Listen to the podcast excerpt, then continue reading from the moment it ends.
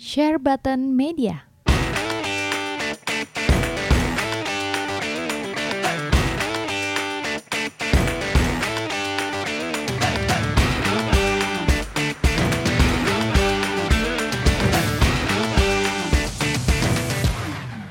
Hello brothers and sisters, welcome back to my channel di Share Button Podcast Toys and Gaming di uh, segmen yang namanya adalah uh, dunia dalam gaming. Ngobrol lupa lagi dunia dalam gaming. Karena gue lagi di luar kota ini ya lagi dinas di luar kota, jadi nggak ada bisa gue ajak podcast. Dan seperti biasa gue akan ngebahas beberapa hal tentang seputar dunia game. Dunia game konsol lebih tepatnya. Ya menurut gue lucu-lucu dan menarik untuk dibahas. Jadi langsung saja ya kita ke topik pertama. Berita lucu pertama data dari PlayStation 4 yang memutuskan hubungannya dengan Facebook dari yang gue baca-baca di internet sih si Sony PlayStation ini ternyata tidak mau melanjutkan membayar lisensinya terhadap Facebook. Hal ini membuat para pengguna user PS4 seperti gue dan teman-teman gue ini nggak bisa share screenshot ke Facebook langsung dari PS4 kalau nggak salah udah nggak bisa share ke Facebook ini dari sejak awal bulan ini ya kalau nggak salah ya. Tapi gue melihat hal ini menjadi sesuatu yang positif dan negatif.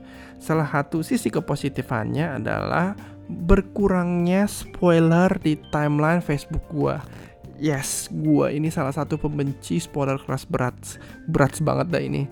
Jadi dengan tidak adanya hashtag PS4 share ini Gue ngerasa timeline gue ini cukup sepi banget.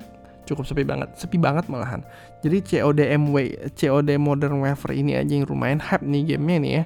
Gue cuma ngeliat screenshot dari satu orang dan dari satu video doang. Dan itu pun pakai Elgato yang pakai video.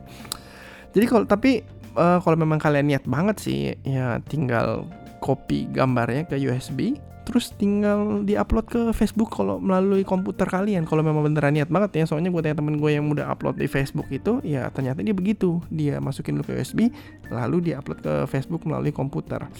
Mungkin ini adalah ini adalah salah satu action dari Sony biar orang-orang nggak uh, nebar-nebar screenshot spoiler di Facebook dari gue pribadi aja ya gue udah unfollow banyak banget orang-orang yang uh, spoiler di timeline gue. Nggak peduli siapa pun juga kalau post spoiler SS ending lah atau post spoiler SS yang penting-penting ya ceritanya yang si ini mati si itu mati ya biasanya udah pasti gue unfollow. Maaf ya emang gue pembenci spoiler keras berat. Dan Persona 5 aja itu awal-awal nggak bisa spoiler uh, screenshot sama sekali ya nggak bisa screen, uh, share screenshot sama sekali bahkan bukan upload ke Facebook loh. Ambil screenshot aja nggak bisa. Gue nggak tahu sekarang bisa apa enggak tapi awal-awal tuh pasti nggak bisa. Tapi mungkin ini salah satu action dari Sony biar orang nggak kebanyakan spoiler sekali lagi gue bilang. Karena gamenya yang eksklusif sebentar lagi bakal keluar yaitu Dead Stranding. Terus tahun depan juga ada Last of Us. Maybe ya maybe beneran untuk meminimalisir namanya spoiler.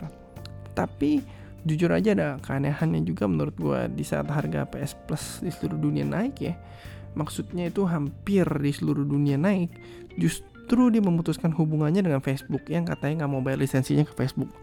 Jadi harga PS Plus naik aja jujur gue kurang ngerti apa alasannya Sony itu menaikkan harga PS Plus. Apa gara-gara udah 4-5 tahun nggak naik harganya? Kalau harusnya kalau harganya naik, PS Plusnya juga diperbagus dong. Seperti banyak sosial media yang diajak kerjasama, tetapi ini justru FB malah diputus. Game-gamenya dikurangin seperti game-game PS3 dan PS4. Maksudnya game gratis untuk PS3 dan PS4 dikurangin tapi uh, ini nggak ada nggak ada penambahan justru ini uh, lebih parah dibandingkan sebelum harga naik uh, game-gamenya di sebelum gamenya naik ada game PS3 PS uh, Vita sekarang udah nggak ada. Lalu tadinya bisa upload share di Facebook sekarang udah nggak bisa. Itu kan mengurangi servis yang harusnya kita mendapat servis lebih banyak ketika harga PS Plus naik. Jadi itu salah satu kelemahannya. Dan kelemahan kedua nih menurut gue ya ini menurunkan hype banget gitu loh. Karena misal uh, untuk game-game Sony di PlayStation ke depannya ini gamenya akan nurun hype banget gitu. Kalau game hype banget kan pasti akan banyak SSSS screenshot screenshot bertebaran di timeline Facebook. Dan itu bisa membuat membawa hype pada game tersebut. Bayangin aja nih kalau teman-teman kalian semua share screenshot Red Dead di Facebook kita bisa aja ke bawah hype-nya gitu loh. Masa semua main cuman kita doang nggak main kadang itu membantu penjualan game-game Sony PlayStation ke depannya. Tapi ya seperti itulah menurut gue untuk PS Plus yang nggak bisa nyambung ke Facebook ada positifnya dan negatifnya. tapi anggap aja Sony beneran mikir buat minimaliskan uh, spoiler tapi kemungkinan besar ya kemungkinan besar ini untuk menambah omsetnya si Sony PlayStation itu sendiri karena memang dari tahun 2018 ke 2019 itu emang omsetnya turun yang naik cuma network service-nya yaitu PS Plus-nya jadi mungkin dia bisa subsidi silang dari hardware konsolnya jumlah apa sih hardware konsol udah menurun dan package game juga udah menurun jadi mungkin um, mereka bisa subsidi silang ya, biarpun emang network service-nya si Sony PlayStation itu naik. Gua rasa ini buat subsidi silang aja. Jadi biar omsetnya makin naik ke depannya. Ini kan baru mulai Februari, mulai mulai beberapa bulan lalu ya. Jadi mungkin di quarter ke depan kita bisa ngelihat ini ya, selanjutnya kita bisa ngelihat uh, omsetnya ini apakah naik apa enggak. Uh, sekian dulu gue rasa dari gue ya untuk PS Plus ini Yes, kita akan lanjut ke yang part 2 yaitu dari eh, kabar dari Xbox. Oke, okay, I will see you soon guys.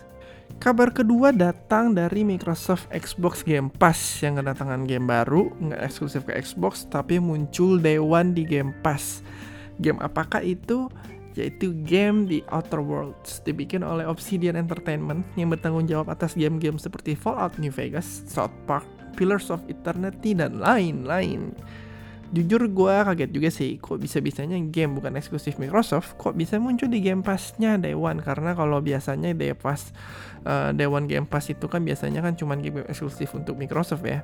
Pikiran gue ini sampai ke mana-mana kayak ke depannya game-game kayak FIFA lah Assassin's Creed dan segala-segalanya game-game yang triple A keren-keren gitu uh, muncul Day One di Game Pass ternyata ya ternyata Obsidian Entertainment itu emang udah dibeli Microsoft kalau nggak salah tahun lalu ya.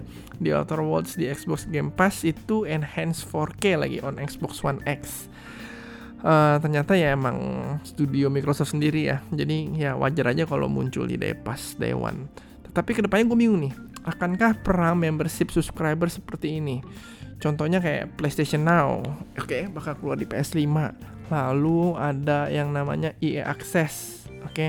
biarpun uh, PlayStation Now sama Xbox Game Pass ini beda tipe ya. Kalau PlayStation Now itu kan streaming game. Kalau Xbox Game Pass ini download dulu jadi nggak buffering mainnya. Tapi gue takutnya ya sekarang udah dari EA Access Xbox Game Pass PlayStation Now akankah ke depannya ada Namco Bandai Game Pass atau Ubisoft Game Pass atau Rockstar Access segala macem kalau misalkan beneran ada sih gue rasa uh, cukup repot ya. Kalau misalkan beneran ada cukup repot. Seperti sekarang ini di dunia perfilman ada yang namanya Netflix ada yang namanya Amazon uh, Amazon Prime ada yang namanya Hulu. Terus incoming ini ada Disney juga mau bikin streaming movie membership iya kan? Akankah dunia game ini berlomba-lomba bikin streaming seperti itu? Kalau beneran sih ya bikin repot bikin repot benar. Kita mesti subscribe berapa banyak biar kita bisa mainin game yang kita mau gitu loh. Tapi gue tetap berharap biarpun mereka fokusin streaming game membership mereka segila apa pun mereka tetap menjual game-game fisiknya yang terpisah. Biar buat koleksi dan yang paling penting tetap CE CE kalau bisa diperbanyak. Hmm, tapi kayaknya nggak juga deh. Ke depannya cewek eh cewek lagi. Ke depannya CE ya nggak gua rasa nggak akan terlalu di diprioritaskan oke? Okay? tapi sekali lagi di podcast podcast sebelumnya uh, eh, gue selalu bilang kalau gue tuh senang banget dengan game uh, game pass Xbox. Mudah-mudahan ke depannya uh, bisa lebih baik lagi. Tiap semua eksklusif masuk game pass bahkan early access kalau masuk di game pass kayak Gears of War 5 kemarin. Dan ke depannya gue tetap berharap Xbox tetap um, tetap apa sih lebih banyak lagi game eksklusifnya karena uh, gue aja yang nggak tertarik sama game Outer Worlds ini tadinya ya. Jadi tertarik gara-gara masuk Game Pass gitu loh. Tapi kayaknya tar dulu deh tunggu gue bisa tamatin main Doraemon nih. Mudah-mudahan tamat. Gue nggak ngerti nih tamatnya gimana. Terus gue baca dari games industry juga games industry.biz ya. Orang-orang belakang Game Pass itu 40% lebih banyak bakal beli game lain di luar eh, di Microsoft Fox eh, di, di Microsoft Store di luar Xbox Game Pass. Jadi orang kebanyakan nggak cukup puas di Xbox Game Pass, rata-rata orang beli lagi beli game lain lagi di Microsoft Store.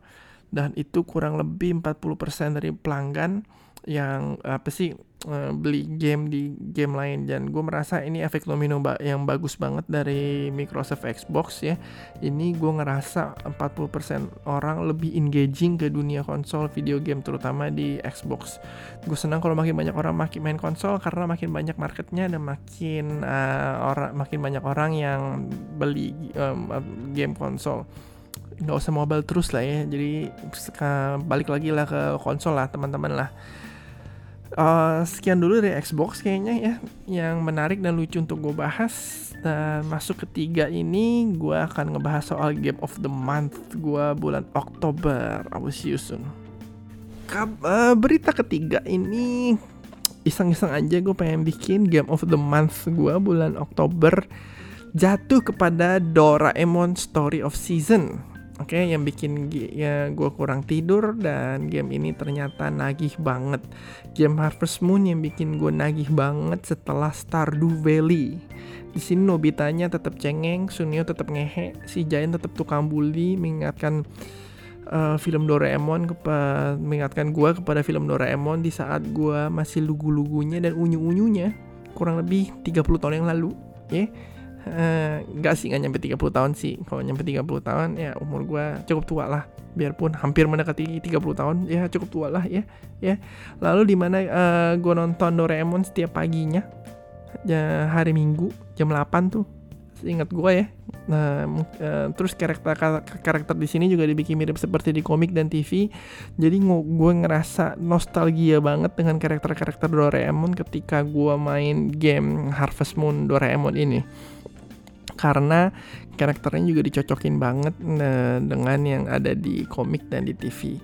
Mirip-mirip ya lebih mirip ke baca-baca pas Doraemon petualangan ya. Pas Doraemon petualangan di mana ada karakter-karakter lainnya. Dan lucu-lucunya juga ya bagus lah. Mudah-mudahan ini cepet tamat nih gue pengen move on ke COD kalau nggak ke The Outer Worlds ya. Kalau COD masih download lagi 125 GB terus CE gue baru datang tadi cuman gue lagi nggak bisa main CE gue makanya gue bingung pengen beli digital plus CE apa. Gue nunggu pas gue balik Jakarta aja jadi gue bisa main CE doang.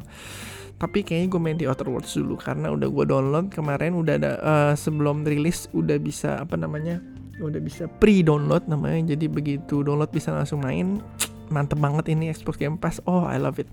Jadi ya sekian dulu dari gue untuk uh, Game of the Month bulan ini. Uh, minggu iya bulan ini Oktober. Apa minggu inilah. Tapi gue cuma main satu game eh nggak deh gue main beberapa game gue main apa aja ya? Lupa gue tapi ya pokoknya Doraemon lah mantap. Teman-teman yang mau beli Doraemon silahkan. Lucu banget ini benar Harvest Moon yang nagih gameplaynya juga maknyus ya dan uh, tapi sekarang gue lagi stuck karena panjang banget nih ceritanya. Ternyata gue kayaknya mau move on dulu sementara sebelum gue lanjut balik lagi di Doraemon oke? Okay?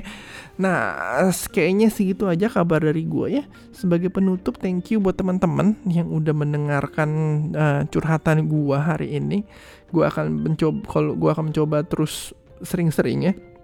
Karena mungkin gue nggak upload ke YouTube lagi. Mungkin ya karena ada update YouTube lama cuy uh, gue rada cupu juga kalau update YouTube. Ya masih efek-efek yang gitu masih cupu gue kalau audio lebih gampang tinggal tambah musik di depannya. Uh, oke okay, next time kalau gue udah balik dari dinas gue akan podcast berdua bertiga lagi sama teman-teman gue mau gue ajak podcast yang ngerti dunia game tentunya ataupun mainan. Uh, mungkin tengah minggu ini gue akan masukin filler uh, soal gue ngobrol-ngobrol sama uh, soal juragan mainan ya jadi thank you so much for listening guys and keep listening to Share Button Podcast Toys and Gaming. I will see you next time. Thank you. Bye bye.